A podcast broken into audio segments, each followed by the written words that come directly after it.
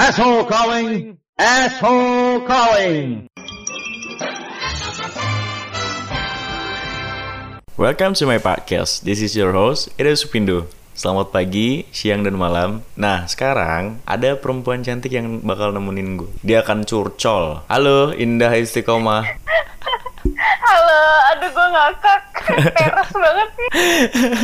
Indah, kita pernah ngobrol sebelumnya Indah ya Di podcast satunya Indah ya. Pernah dong. Cuman kan waktu itu lo belum galau. Katanya lo belum pernah pacaran seumur hidup lo.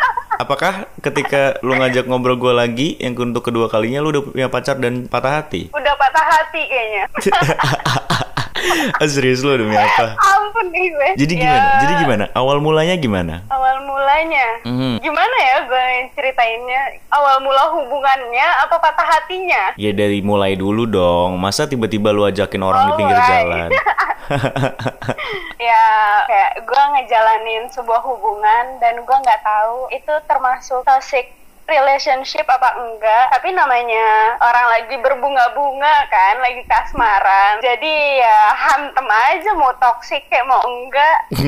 Dan sampai dan sampai akhirnya gue mungkin selama ini gue ngerasain kalau itu toxic. Tapi gue kayak eh, cuma ngebatin aja sih di diri gue kalau oh mungkin dia kayak gitu karena gue nggak cukup baik. Mungkin Dari segi apanya? guanya nggak cukup nggak tahu ya. Tapi kan ya I do my best gitu. I try my best gitu kan. Oke. Tapi eh, kayak setiap apa yang gue lakuin gue selalu mikirin gue kayak gitu dia seneng gak ya? Gue kayak gitu dia nyaman gak ya? Tanpa gue sadarin ternyata diri gue yang gak nyaman ngelakuin itu. Pengen ngebuat orang seneng tapi guanya nggak seneng. Nggak Pengen nyamannya karena apa? ngerasa, "Eh, ya kayak gue jadi bukan diri gue yang sebenarnya. Nah ini kan pertama cinta pertama lo ya? Bisa dibilang cinta pertama atau hubungan pertama? Iya, hubungan pertama. Kalau cinta pertama bukan ya? bukan. Nah itu tepatnya kapan tuh? Pertama mulainya terus sampai akhirnya lo lo nyadar kalau misalkan itu toxic. Berapa lama perjalanan sampai lo bener-bener ngerti kalau atau dari awal lo udah tahu kalau ini toxic? dari awal kenal gue udah ngerasa itu toxic Gue kenal orangnya. uh gue gak mau jawab sih ya Oke oke oke oke. Terus terus. Ya gue tahu itu toxic tapi gue nggak bisa ngehindarinya gitu ngerti gak sih kak Iya, gue tahu. Lo nggak bisa ngehindarinya karena lo beneran, lo juga suka sama dia. Nah, apa yang ngebuat lo sama dia sampai akhirnya lo nggak bisa sama-sama? Eh, dia sih yang kan gue ngejalanin hubungan ini dari pas gue kemarin yang ibaratnya yang udah jelasnya gitu kan Mhm. Karena kan proses gue deket sama dia juga lama gitu. Guanya yang nggak siap. Terus eh, pas udah jelas hubungannya itu pas kemarin gue eh, semester kemarin deh semester 3 sampai eh, akhir Februari kemarin. Dan gue gimana ya Jangan nangis, jangan Jelasinnya. nangis.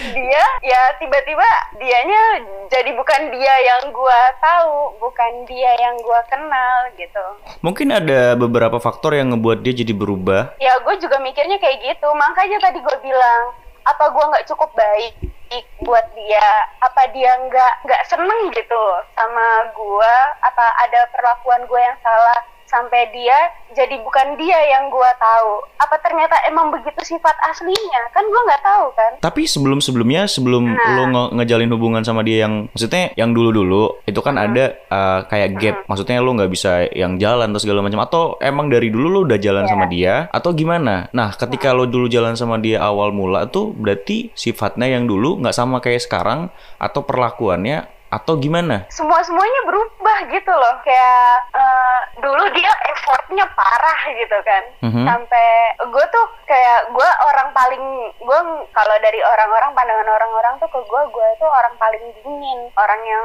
cuek bodo amatan gak mau ambil pusing. Nah dia tetap sabar gitu ngadepin gue yang kayak gitu. Gue kayak gitu juga karena gue tahu. Gue nggak gue takutnya dia kalau gue ladenin malah dianya ngerasa gue emang ada sesuatu sama dia. Kayak gue naruh dia jadi naruh harapan ke gue nah pas kita udah di dalam sebuah hubungan in Mhm. relationship Mhm. tiba-tiba dianya itu bukan dia yang gue tahu. Bukan dia yang selama ini ada sama gue gitu. Berubahnya berapa persen? uh, Gue nanya- berubah total Serius. pokoknya iya itu dalam waktu yang cepet banget kak. Karena sebelumnya tuh kita baik-baik aja gitu kan. Tapi lu ngerasa nggak kalau enggak maksudnya kayak lu ngerasa nggak? Atau eh, ketika lu ngejalin hubungan sama dia, lu ngejalin hubungan sama orang lain juga, dia ngejalin ngejalin hubungan sama orang lain juga, atau bener-bener pure lu cuma berdua? ya gue sama dia berdua karena itu gue udah ya ibaratnya gue udah berani publish lah kan karena selama ini kalau gue ngejalanin hubungan sama siapa pun deket sama siapa pun gue selalu backstreet kan Mhm. deket sama siapa pun gue juga yang kayak diem-diem karena menurut gue itu privacy gue kan nah sampai akhirnya gue berani mempublish itu berarti itu kan udah sesuatu yang lu ya percaya orang sama dia, lu naruh harapan yang besar Ya, sama gua- dia. Uh-uh. Ibaratnya orang-orang harus tahu kalau gue ini udah official sama dia gitu kan Mhm. Nah dari dari situlah gua itu tuh bener-bener gua sama dia ya berdua aja gitu. Dalam dalam hitungan waktu seminggu doang kayaknya dia berubah yang drastis banget sampai gua tuh uh, selalu mikirnya emang gua habis ngapain ya? Kok dia kayak begitu sih ke gua?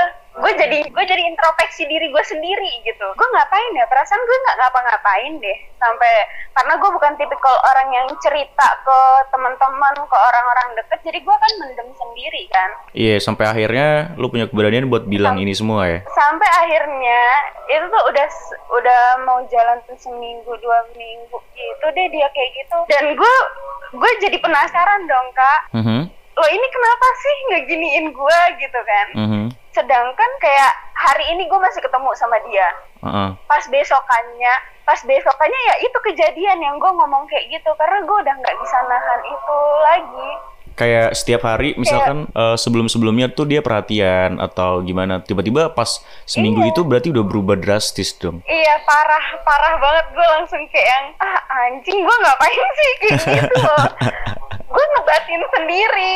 Berarti dari awal mula lu mulai sama dia sampai akhirnya lu bilang kalau misalkan lu mau sama dia dan pa- sampai akhirnya lu publish itu semua, itu berapa lama? iya tujuh delapan bulan lah paling. 8 bulan selesai dalam waktu seminggu. tujuh tujuh sampai delapan bulan kayaknya. Iya dan gue kenal sama dia dari gue da- pokoknya gue kenal sama dia tuh udah hampir dua tahun. Hampir 2 tahun. iya Wow. gue langsung kayak dua tahun gue bangsat Iya. Dan itu maksudnya hubungan hubungan pertama lu gitu kan? iya ya gue tahu sih gue salah banget sebenarnya Mhm. Dari mana salahnya? karena gue udah tahu Apanya yang tahu? udah tahu kalau kalau udah tahu kalau ini tuh toxic buat gue ini sesuatu yang nggak baik buat gue Toxic buat lo atau buat dia juga? buat gue buat dia mah enggak kita dalam satu hubungan gitu loh kak. Antara gue sama dia. Enggak yang eh, lo deket sama gue tapi lo juga boleh deket sama yang lain gue juga boleh deket sama yang lain. Enggak enggak yang kayak gitu. Mhm. Dan lu nggak ngeladenin orang lain untuk misalkan chatting lo atau yang DM lo? nggak ada. Itu tuh bener karena dari dulu pun gue juga jarang banget ngerespon orang di chat yang aneh-aneh yang gue tau lah apa maksudnya dia kayak gitu kan nggak pernah gue Oke. Dan lo sekarang perasaan lo gimana? Ketika lo harus tahu ketika seminggu itu ngerubah 7 bulan atau 8 bulan itu. Gua jujur tujuh seminggu pertama itu tuh gua yang kayak depres karena ya gua baru ngejabat gitu kan. Mhm. Gue punya tanggung jawab juga sama organisasi gua. Terus gue ngalamin sesuatu yang di luar dugaan gua yang gue tuh nggak tahu kalau itu bakalan kejadian secepat itu. Ditambah lagi masalah yang datang dari keluarga atau segala macam itu tuh jadi numpuk jadi satu kan Mhm. pokoknya itu tujuh hari di tujuh hari itu setelah kejadian yang gue sama dia udahnya gitu Mhm. itu hari-hari terberat dalam hidup gue kayak itu semua numpuk jadi satu gitu kan. Iya, sebelumnya gue mau ngucapin selamat untuk lo yang mau dan rela untuk megang sebuah jabatan yang berat gitu. Dan sampai akhirnya lo harus disakitin sama orang yang nggak tahu diri juga ya maksudnya.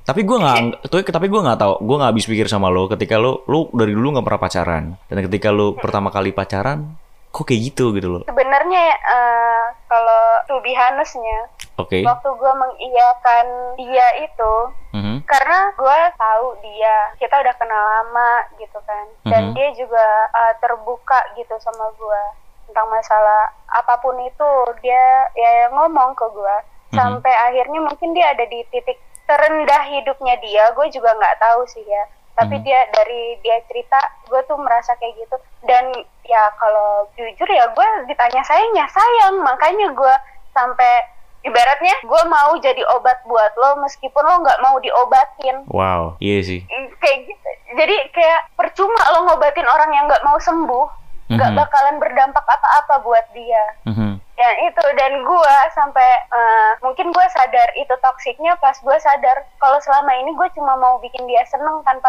tanpa gue sadarin gue juga butuh seneng. Bukan dia doang yang butuh seneng tapi gue juga butuh. Iya, tapi lu lu dapetin itu semua nggak ketika lo selama tujuh bulan itu, lo dapetin itu semua nggak? Kayak feedback buat lo apa, terus feedback buat dia apa, atau selama tujuh bulan itu cuma dia yang ngasih ngasih ngasih ngasih lo sampai pada akhirnya ketika dia dapetin lo, dia punya masalah yang besar. Sampai akhirnya dia takut mungkin. Takutnya dia nggak bisa bahagiain lo untuk ke depannya atau gimana? enggak. Itu tuh ya sebelum sebelum gue sama dia official itu ya dia udah ada di masalah itu gitu kan. Hmm, udah ada di zona itu. Mm-mm, nah ah, sampai akhirnya gue sama dia tuh jadi intens gitu kan. Mhm, intens eh, ngobrol, chatting atau segala macemnya deh. Terus ya akhirnya akhirnya dia ya kayak ya sebenarnya dia udah sering eh, kayak lo mau nggak? Yang kayak gitu-gitu. Ah gimana sih orang jeder-jeder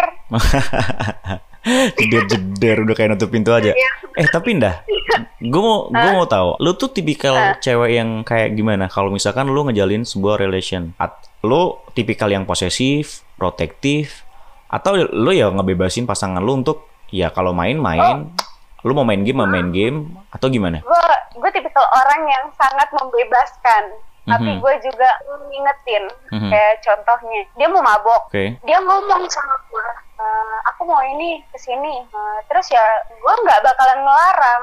Gue cuma bisa ngingetin. Karena dia kan udah gede. Heeh. nggak mungkin kan gue larang. Dia bukan Mhm. anak kecil. Kalaupun gue ngelarang pasti bakalan tetap dilakuin. Gue yang selalu bilang apa pun bentuknya jujur baik menurut dia buat diomongin ke gue sendiri gitu kan. Gue tiba-tiba gue tahu lah dari mulut-mulut orang mendingan dia yang jujur. Dan gue nggak bakal marah tapi kalau dia bohong gue marah. Dan lu memperbolehkan itu, intinya dur memperbolehkan itu. Eh, atau dia kebebasan mabok hura-hura apa-apa apa? Atau kebebasan itu yang akhirnya ngeblunder buat lo? nggak tahu sih. Karena ya gue mikirnya kalau cuma gue daripada gue ngelarang-larang ya kak. Mhm. nanti dibilangnya. Ya gue tuh selalu mikirnya hidup dia tuh nggak berputar di gue doang loh. Mhm. jadi kalau gue ngelarang seakan-akan gue kayak ngebatasin circle-nya dia gitu. Atau kebalikannya, sih gitu ya. Apa? Dia yang larang lo dan segala macem ya? dia ngelarang sih. Enggak. Enggak sih. Gue juga kan gue anaknya nggak macem-macem. Apa yang mau dilarang Jum enggak ya kita nggak tahu isi hati orang sih dah. enggak sih kalau ngelarang-larang enggak Tapi lu sekarang udah yang bener-bener yang l- let it, let it flow aja maksudnya kayak lu mau pergi iya silahkan atau lo yang kayak fight untuk untuk berjuang sama dia atau lo yang accept kalau misalkan dia ngajak balik lagi ke lo. Oh, kalau itu nggak tahu. Kalau gua eh, after gua mengalami patah hati yang berat itu, Mhm. sampai gua opnam, jujur itu gua goblok banget sih sebenarnya. Lo opnam Sampai- kemarin. Sampai sampai opnam. Iya, gara-gara Wow. gua nggak bisa tidur. Itu kan gua ya gua mau loker nih, gua mau loka karya kan. Iya. Gue mau loka karya, terus gue dalam seminggu itu gue nggak bisa tidur. Gue mau nggak mau doping doping tubuh gue pakai obat tidur dong, biar gue cukup tidur. Nah ternyata itu yang bikin eh, tubuh gue tuh nggak teri nggak nerima obat itu. Nah sampai akhirnya gue opnam kan. Berapa hamil? Ber- Cuma ber- sehari doang karena gue anaknya nggak bertahan. Hmm. Dan lo sekarang gimana kondisinya? Udah udah baikan? Sangat baik, luar biasa. Cuman hatinya yang belum pulih ya. ya ya kalau itu mah pelan-pelan sih tapi gue kayak oh ya udahlah mungkin eh, kan selama ini dalam diri gue cuma mau bikin dia senang kalau de- dengan nggak sama gue itu buat dia senang ya udah nggak apa-apa daripada nantinya gue malah makin terbebani juga kan Iya, iya, benar benar. Tapi ada pepatah yang bilang cowok itu ketika seminggu pertama, sebulan pertama itu dia gampang Hmm. mutusin untuk eh udah putus. Tapi Iya. Perempuan ketika satu bulan, satu minggu pertama itu susah buat ngelepas. Dan ketika sudah lewat fase di mana perempuan itu move on, laki-laki ini akan balik ngejar lo. Nah, ketika laki-laki ini balik ngejar lo, apakah lo udah siap untuk bilang, untuk kasih dia pengertian, lo mau nerima dia atau lo nolak dia? Gue nggak tahu sih ya, tapi kalau kemungkinan kemungkinan kayak gitu, gue sumpah gue nggak kepikiran sih. Mhm. Kalau buat saat ini ya, karena ya gue juga ibaratnya gue masih fase pemulihan diri di gue nih. Tapi Masa kalau misalnya dia datang apa? kalau kalau misalkan dia datang lagi, ada kemungkinan lu mau mau balik lagi sama dia dong? Hmm, Enggak kayaknya. Enggak. Enggak. Kok ada kok ada mm. ya bisa bisa dibilang 50-50 lah ya. Kalau in relationship kayaknya enggak. Tapi kalau misalnya kita kayak dulu eh, kenal jadi orang yang deket buat temen curhat berbagi atau apa ya nggak apa-apa. Tapi kalau misalnya in relationship gue enggak kayaknya. Kayak gue lagi ih parno kayak orang parno gitu deh gue dideketin cowok. Wow. Dan itu Itu takut itu apa kak? gua takut ya. Maksudnya lu tuh baru pertama kali gitu loh. Terus lu ngerasain yang Iya. segitu besarnya sampai akhirnya Iya. ya lu trauma gitu. Dan gue takut lu ntar jadi lesbian. Gimana dong? Kalau eh, sampai Bercanda, sampai bercanda. itu tuh gue gue tuh sampai nyeplos begini bodo amat nih gue maunya dijodohin aja sumpah gara-gara gue udah nggak habis pikir lagi kan Mhm. ternyata eh, punya perasaan ke orang dan kita ngiranya dia juga bakalan punya perasaan itu ternyata sebaliknya Mhm. itu tuh sakitin banget gitu kan. Mhm. dulu tuh gue parah banget kak. Gue temen gue curhat tuh gue nangis nangis segini gini terus gue ya elah lo begitu bang eh, be- se- lebay banget sih kayak gitu kan sebegitunya banget. Ya lo kalau putus ya udah abis itu move on lo cari yang baru gitu. Sampai akhirnya gue ngerasa oh galau tuh begini ya. Itu tuh gue baru ternyata emang bajingan ya patah hati ini Bukan laki-laki yang bajingan. ya buat of them Compare. Aduh. Oh iya dah. Jen eh, dulu kan lu lu dulu, lu dulu bilang ke gua, lo nggak suka sama orang yang bucin dan lo nggak nggak percaya dengan bucin. Dan apakah ketika lo ngebangun sebuah relation yang tujuh bulan itu dan sampai yang satu minggu itu, lo berubah menjadi bucin, lo sayang banget sama orang sampai akhirnya orang itu ya nggak menemukan lo yang dulu mungkin. jadi gue kan pernah bilang kan nggak apa-apa bucin kalau dia ngebawa sesuatu eh ke yang positif Iya iya gitu. benar-benar. Tuh banyak yang bucinnya bucin positif gitu. Iya. bucinnya negatif. Tapi kemarin nih gue masih di taraf ya biasa-biasa aja karena nggak yang setiap hari. Chatan pun juga nggak yang intens setiap menit detik yang kayak gitu-gitu enggak karena gue bukan tipe orang yang bisa cari pembicaraan topik pembicaraan juga. Tapi ketika lo putus, terus akhirnya lo sakit, Bales chat ya seadanya gitu. Karena gue nggak responsif kalau di di chat hmm, halo halo, lancar nggak? Eh, udah Nah, eh, dan lancar lancar dan lo kan dulu eh, sebelum lo sakit hati gitu banyak temen lo yang curhat ke lo ketika dia lebih dulu sakit hati. Nah sekarang ketika lo sakit hati, ada nggak temen lo yang ngebantu lo untuk up? Ya udah dan ngebantu lo untuk move on. Apa mereka welcome atau mereka yang kayak haha rasain tuh gitu. gue waktu gue ngalamin uh, broken heart itu gue Mhm. nggak cerita ke siapa siapa kak. Nggak ada teman gue yang tahu. Satu pun nggak ada yang tahu kecuali ada satu. Uh, ini dia udah kayak kakak gue banget gitu kan.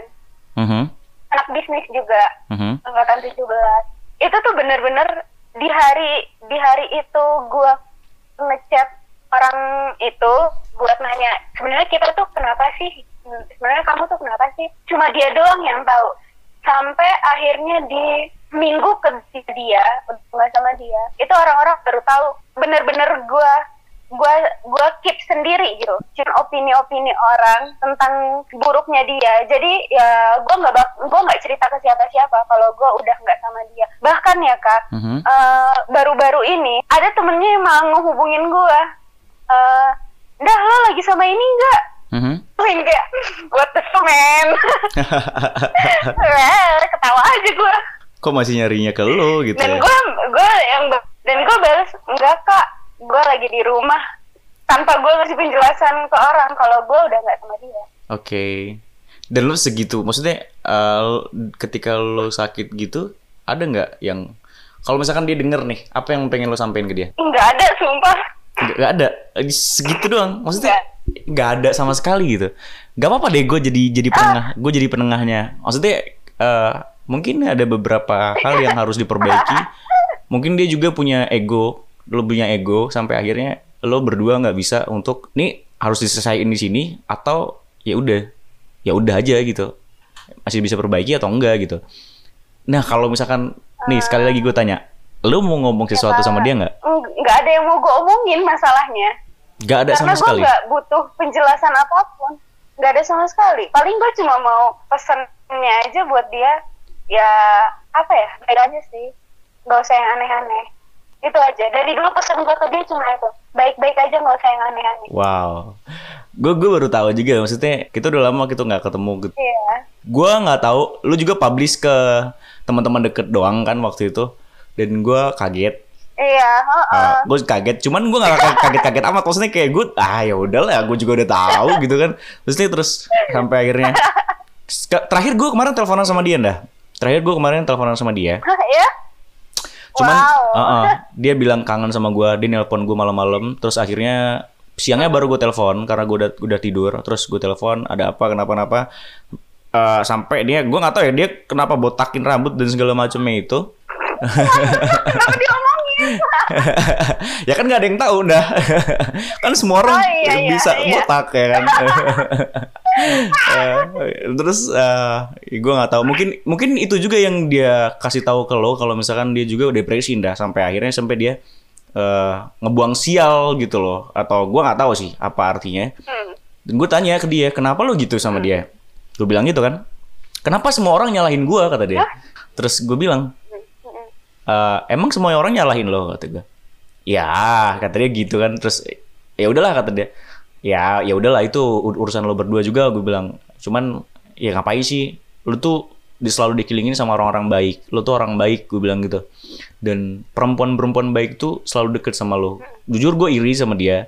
Dia itu orang yang apa ya baik ke semua orang gitu loh. Mungkin karena mungkin sekarang dia Ya. posisinya lagi di bener-bener down di bawah dan gua sih sepemikiran gua mungkin dia butuh sendiri dulu. Dan ketika dia minta lo untuk bener-bener ngebangun sebuah relation waktu itu mungkin dia juga nggak nggak berpikir panjang gitu loh. Karena mungkin udah tujuh bulan ya udah.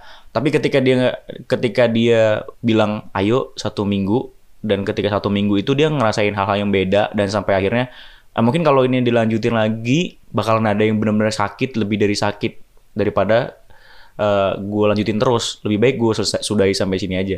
Itu itu penilaian gue ya. Tapi nggak Iya. tahu juga. Tapi nggak tahu juga. Ya ya balik lagi. Kalau gue doain semoga yang terbaik buat lo yang terbaik buat dia. Terus lo jaga kesehatan dah. Gue tahu Iya, namanya lo perempuan gitu kan. Lebih banyak berpikir dengan pikiran-pikiran yang aneh gitu kan. Gue nggak bisa nelaah itu dan apalagi lo nggak seterbuka itu gitu loh. Gue salut sih lo Iya. berani ngomong ini di sini dan ya mungkin ada hal yang bisa diambil untuk teman-teman juga ketika ngebangun sebuah toxic relation. Ya dipikir dulu ya dah ya. Iya.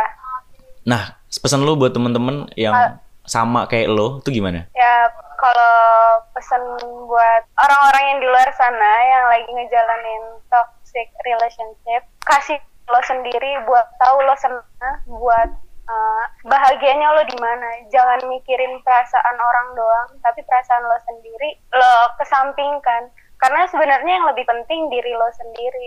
Lo juga butuh ruang.